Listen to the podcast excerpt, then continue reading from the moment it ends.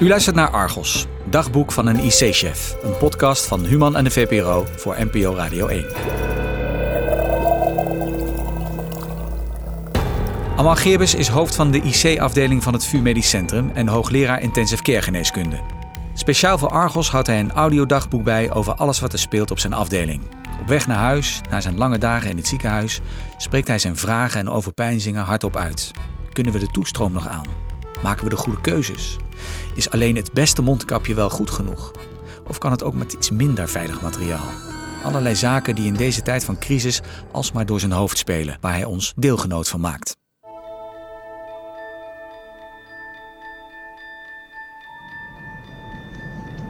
Vandaag weer op weg naar uh, het ziekenhuis. Gisteren uh, was een lange dag. En ook een dag waar we veel opnames van nieuwe patiënten uh, hadden met het coronavirus. Zowel patiënten overgenomen vanuit andere ziekenhuizen. Als ook patiënten die via ons ziekenhuis binnenkwamen.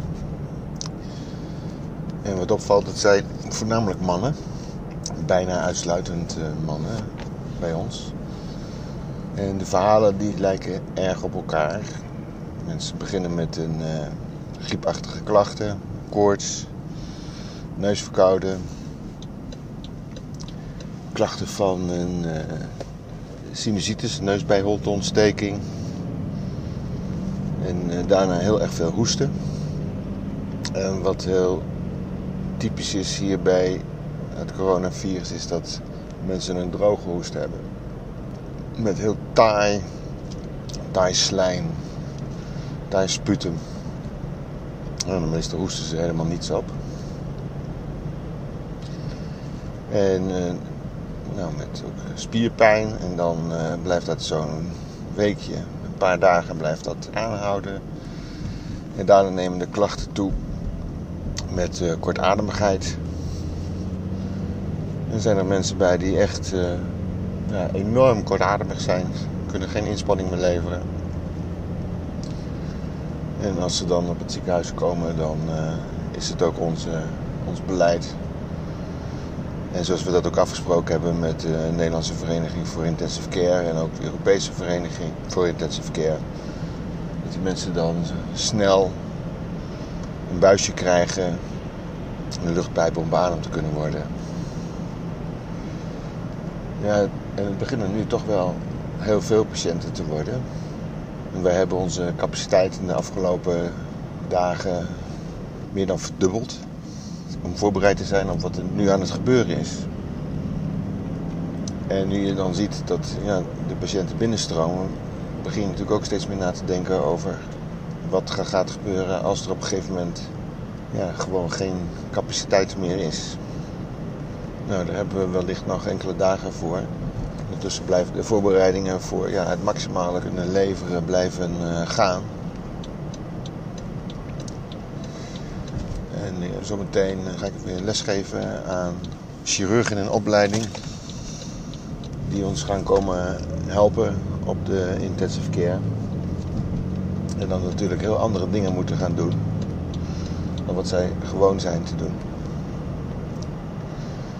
Gisteravond hebben we artsen die heel bekwaam zijn in het uh, voeren van uh, moeilijke gesprekken met uh, patiënt en familie. Hebben we allemaal uitleg gegeven over hoe het op een intensive care is, omdat zij ons ook gaan helpen via beeldverbindingen en telefoongesprekken met familie. Om ons als intensivisten te ontlasten. Maar dat die familie wel informatie krijgt over hoe het met hun dierbare is. En daarnaast hebben we dan uh, telecommunicatieverbinding tussen de ruimte waar de patiënt is op de intensive care en de familie. Nou, gisteren ook uitgebreid gesproken met een uh, groep uh, verpleegkundigen. Omdat ja, iedereen zich moet realiseren dat we eigenlijk bezig zijn met een heel groot experiment. Een experiment omdat het iets is wat nooit eerder voorgekomen is. Waarbij wij uh, allemaal zo inrichten dat de verpleegkundigen die normaal voor één, maximaal twee patiënten zorgen, ja, nu veel meer patiënten zullen moeten overzien en ook meer taken zullen moeten delegeren aan anderen. Nou, dat zal enorm wennen worden voor heel veel mensen. Heel veel mensen die dit soort werk doen op een intensive care, dat zijn ook vaak control freaks. Dat kan in sommige beroepen heel onhandig zijn, maar op de intensive care is dat heel erg handig. Maar nu moeten deze control freaks toch heel veel uit handen geven. Een ander ding wat je probeert is met eh, contact met je collega's in andere landen. Die, uh, ja, die een eindje op ons voorlopen in termen van uh, langer bezig zijn met die behandeling. Dat je daarmee contact houdt. En je kijkt of er nieuwe publicaties zijn verschenen die van belang zijn belang zijn voor de patiënten van belang zijn voor de medewerkers. Hoe kun je daarvan leren? En dan is het belangrijk om ja, toch even tijd te vinden om naar die literatuur uh, te kijken. Nou, hier wil ik het maar even bij laten. Tot zover het audiodagboek van Dr. Geerbers van vandaag. Als u zich op deze podcast abonneert, kunt u regelmatig een nieuwe bijdrage van hem beluisteren. Kijk voor meer informatie op vpro.nl/slash argos. Daar vindt u bijvoorbeeld ook het audiodagboek van een huisarts en nog veel meer interessante artikelen.